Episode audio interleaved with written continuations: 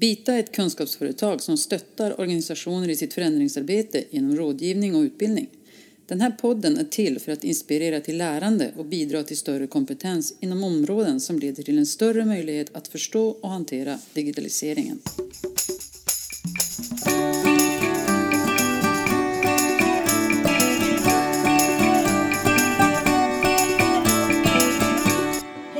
Och välkomna till det andra avsnittet i vår poddserie Tjänster. Idag har jag med mig Hasse och Anita. Hej! Hallå, hallå! Hallå! Eh, vi ska prata utifrån kunden och varför eh, jag som kund vill köpa en tjänst. Varför, varför vill jag som kund köpa en tjänst? Det centrala är egentligen i all tjänstediskussion har att göra med värde och värdet för mig som kund. Jag måste se till att jag får ett tillfört värde som är tillräckligt högt för att jag ska vara nöjd. Eh, vi kommer att komma tillbaka lite längre fram i det här avsnittet och prata just om det här med värde och vad värde är och hur man möjligen kan komma fram till det. Och saken i den är väl idag också att vi som kunder och konsumenter har ett... Vi ställer mycket högre krav på vad värde är. Som kanske den klassiska produkten inte längre räcker till för. Utan därför vill vi och behöver vi kanske köpa tjänster för att, för att vårt eh, behov ska tillfredsställas och vi ska få det värdet som vi eftersöker. Och, och ett, ett tydligt exempel tycker jag på det här med att värdet är, blir tydligare, mer explicit idag. Det är den här med, med skillnaden mellan standardiserat och kundanpassat. Om man tar utbudet idag av exempelvis e-tidningar så är det ett standardiserat utbud av tidningar. Men det finns en kundanpassningsmöjlighet. Jag kan välja att få artiklar om Elans skidtillverkning och frimärkssamling för det är mina stora intresseområden. Och jag behöver inte ta in resten. Och det är liksom en sån här kundanpassning från ett standardiserat utbud som finns på flera ställen.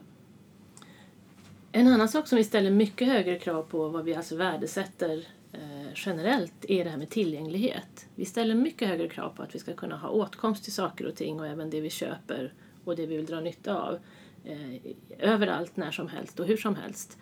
Eh, där tror jag att förra gången i podden eh, så tog jag exemplet om Spotify, apropå att lyssna på musik. Tidigare var det ganska knutet till att jag hade min skivsamling hemma och min skivspelare, det var där jag kunde lyssna på musik. Nu ställer de flesta av oss krav eller har önskemål om att vi ska kunna lyssna på musik när som helst, hur som helst och vad som helst. Och där kommer till exempel Spotify som tjänst in i bilden och vill jobba för att tillhandahålla det till mig. Finns det några, andra aspekter? Alltså, Ja, För detta exempel på man kan fundera på värde. Då tänkte jag prata om, om stabilitet och flexibilitet. Där stabilitet, är vi vill ha någonting som i grunden eh, är stort, bra, stabilt och alltid fungerar på samma sätt. Samtidigt som jag som kund vill ha en flexibilitet och kunna ändra mig från dag till annan vad jag faktiskt vill ha. Men jag vill ha den stabila grunden. Och ett exempel då för att inte prata bara IT-tjänster kan vara de här eh, lagringsutrymmena man kan hyra på stan. Där har man en stabil infrastruktur med larm, man har sektionerade bås och allt sånt här. Men man har också en väldigt stor flexibilitet för att jag som kund ska uppleva värdet. Jag kan ena dagen ha min frimärkssamling där och nästa dag så har jag min frimärkssamling plus mitt bohag. Och då måste man ha en sån flexibilitet att jag behöver ett större lagringsutrymme och det löser de på en gång. Sen finns det ju kompletteringstjänster till det här, hjälp med att flytta och vad det nu är för någonting. Men, men just den här flexibiliteten som jag vill ha som kund kontra stabiliteten hos någon stor och säker leverantör. Mm. Och en annan sak vi har pratat om tidigare är också egentligen komplexiteten i både varor och tjänster och de produkter och de behov vi har eh, i, i det nutida samhället. Och vi strävar ju rätt mycket efter att eh, kanske söka efter enkelhet. Vi vill ha någonting enkelt när vi köper tjänst. Jag vill inte ha ansvaret för att sätta ihop en massa prylar och komponenter och få saker och ting att fungera eller säkerställa att det finns, utan det ska vara enkelt. Eh, till exempel när jag hos en bredbandsleverantör säger att jag vill köpa bredbandstelefoni. Jag vill helt enkelt kunna ringa. Eh, och jag vill att leverantören själv ska se till att allting är iordningställt och alla saker som behövs och alla instruktioner som behövs finns där. Allt jag vill göra är att ringa. Och det är ju ett sätt att, att eh, köpa en tjänst där jag lägger över ansvaret på leverantören till att säkerställa att den, den enkla nyttan jag är ute efter verkligen uppfylls.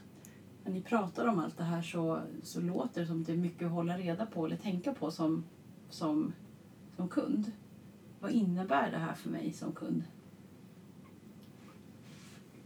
Det innebär ju att, att jag som kund måste lära mig att kunna värdera tjänster. Jag måste ju på något sätt för mig själv bestämma vad är det som gör den här tjänsten värd för mig att köpa? Och då har ju Anita och jag tillsammans pekat på några sådana här. Enkelhet, tillgänglighet, flexibilitet, kundanpassningsbarhet. Vad är det som tillför värde för mig som kund? Och det måste jag klura ut för mig själv. Mm. Vad är värde för mig? Det låter ju inte så jätteenkelt. Det låter som att det kräver en del av, av kunden. Det, behöver, det kräver någon slags aktiv handling. Du behöver vara egentligen aktiv i ditt, din, eh, din, din resonemang med dig själv. Vad är det som är viktigt och vad är det du eventuellt kan ge avkall på? För när du köper en tjänst istället för att säkerställa att du får någonting gjort på egen hand, då avsäger du också en del av ansvaret för hur det blir gjort. Mm. Eller på vilket sätt. Så att vissa saker kanske du får ge avkall på men istället att komma fram till att det är viktigt för mig att jag får min musik jämt och ständigt. Det kanske är värt att jag får betala det det kostar till exempel. Mm. Eh, så att jag tror att det är mer en, en aktiv handling kanske än, än tidigare när vi köpte produkter. Det finns ju faktiskt ett, ett eh, exempel på tjänster som har funnits ganska länge och då tänker jag på elavtal när man avreglerade elmarknaden. Där man tvingade kunderna att göra val. Och det var väl första gången som, som alla var tvungna att göra ett val, eller rättare sagt man kunde avstå också. Och då fick man ett mycket sämre elavtal. Men då tvingades du till att ta ställning och göra ett val. Och det tror jag var lite omvälvande för många människor. Mm. Och idag tror jag det blir mer och mer så att, att du som kund eller konsument tvingas till att göra fler och fler val. Och poängen är att då kan jag avgöra värdet. Mm. Igår fick jag nöja mig med det som fanns och, och tycka att det var värt något. Idag kan jag specificera mer vad jag tycker. Det här är värdet. Mm. Det här är inte värt något. Det här är värt mycket. Och därmed välja den tjänst som du upplever fyller ditt behov av, av eh, värde Precis. på ett annat sätt än vad man kunde förut. Man kan också säga med, med det resonemanget vi har fört att, att tillvaron som konsument eller som kund blir mer och mer komplex. Den blir mer och mer abstrakt. Den blir mer och mer subjektiv. Och det är ju underbart. Man har ju hur många parametrar som helst att spela med. val som helst. Och hur många val som helst att göra. Det kan bli hur bra som helst. Ja, eller hur jobbigt som helst. Mm, För precis. haken är ju, med tillbaks till mina elavtal, om du inte gör något val, då får du det sämsta tänkbara. Alltså måste du göra val. Och du ska göra val i en komplex miljö. Du ska göra val som i huvudsak baserar dig på, sig på ditt subjektiva tänkande. Vad upplever jag som bra eller värdefullt? Mm. Och hur bestämmer jag det? Genom att pröva något som inte är värdefullt? Mm. Eller hur kommer jag fram till det? Och dessutom pratar vi om något som är ganska abstrakt när man pratar tjänsteleveranser. Eh, och, och sy ihop det här till att bli det man säger en upplyst konsument. Jag förväntas ha en, en idé om vad är värdet av att kunna spela musik precis när jag själv vill. Kontra att inte kunna göra det. Mm. Är det värt kostnaden för Spotify eller ska jag åka hem till min skivsamling? Mm. Finns det några risker som är, det låter som att det finns lite risker för kunden som är förknippat med, med allt det här med att köpa tjänster. Är det så? Det finns, finns risker? Nej, det finns det inte. Inga? Eftersom riskerna försvinner. Jag frånsäger mig risker, jag frånsäger mig ansvar när jag köper en tjänst. Alltså finns det inga risker. Det är den ena sidan att säga så. Mm. Den andra sidan är att det finns risker att jag inte blir nöjd. Att jag inte får det värdet jag har tänkt mig av min tjänst. Det är ju en risk som jag sätter mig. Och det är en risk som jag sätter mig också därför att jag har lämnat över ansvaret för att det ska kunna tjänsten levereras till mig, till någon annan. Mm. Eh, Och då kan jag eventuellt behöva ge avkall på vissa saker och jag kan också riskera att jag inte får det jag har förväntat mig att få. Det är väl en risk i sig kan man säga. Ja, och då är den förknippad med dig själv som kravställare då av tjänsten. Ja, Precis. Att jag inte kan tillfredsställa min egen idé om vad en bra tjänst. Ska man göra ett exempel, skulle jag, då är jag tillbaka till den här Car to Go. Där risken med att äga en bil, eller riskerna förknippade med att äga en bil, de har jag ju köpt som en tjänst så de är borta. Jag behöver inte fundera på försäkringar och besiktning och däckbyten och vad det är för någonting. Mm. Däremot om jag kommer dit och bilen är för liten, den är smutsig eller saknar ett hjul så upplever jag ju inte tjänsten som tillfredsställande. Men risken med att äga en bil har jag tagit bort. Mm. Så det är precis som Anita säger, upplevelserisken eller tillfredsställelserisken för mig själv Mm. som är den, den risk som jag Mm. måste hantera. Och går vi tillbaka till musiktjänsten igen som exemplet så, så kan det ju vara så även om att det kan ju vara så att utbudet inte är komplett. Så att jag har faktiskt en favoritartist som inte går att lyssna på där. Mm. Eh, Så risken är ju att jag inte kan lyssna på absolut alla de artister som jag har i min egen skivsamling. Men det är ju något som jag får väga mot möjligheten eh, som finns i de andra delarna i tjänsten. Nämligen att det finns allt annat än just min specifika Mm. leverantör, min specifika artist. Finns, finns det något knep som vi kan ge kunder eh, för att de ska kunna öka sina möjligheter att bli nöjda med sina tjänsteköp? Självklart gör det det. Eh, knep nummer ett, det är att våga vara introvert. Vad menar du med det? Man ska våga lyssna på sig själv och tala om vad det är precis jag vill ha för att jag ska vara nöjd. Mm. Och det tror jag kan vara lite jobbigt att göra. Men det är liksom knep nummer ett. Om jag ska kunna värdera en tjänst så måste jag vänt mig till mig själv och talat om vad är det jag värdesätter. Mm. Något annat som blir vanligare och vanligare i, den, i sammanhanget av att köpa och, och erbjuda tjänster är att det läggs möjligheten till att, att ge utvärderingar, ge synpunkter på hur en tjänst har varit. Både från Eh, kundens perspektiv, den som köper tjänsten, men också leverantören kan ha synpunkter att hur, hur var det med den här kunden för den tjänsten jag sålde eller levererade. Det är vanligt till exempel i uthyrningsbranschen, om vi hyr en lägenhet eller hyr ett hus eller vi går på restaurang, att vi har mer och mer utvärderingar och ratear tjänster. Jag tror att det här har tillkommit bland annat för att det är så subjektivt och det är komplext att beskriva vad som är bra och dåligt i en tjänst. Och att då få höra vad andra har tyckt kan i alla fall ge mig en viss känsla för om, om, om jag tror att även jag kommer att bli nöjd. Mm. Så det är viktigt att veta vad andra kunder har upplevt, hur de har värderat tjänsterna tidigare för att kunna bilda sig en uppfattning. Det är viktigt för att kunna bli introvert. Som, eller, Ja. Det är en viktig input till den Ja. introverta aktiviteten som Ja, Hasse okej. pratar om. Mm. Det är inte viktigt för att det är inte sanningen som står där. Mm. Men det kan ju ge mig eh, input och tankar kring om jag tror att mina egna behov kommer att uppfyllas eller inte uppfyllas.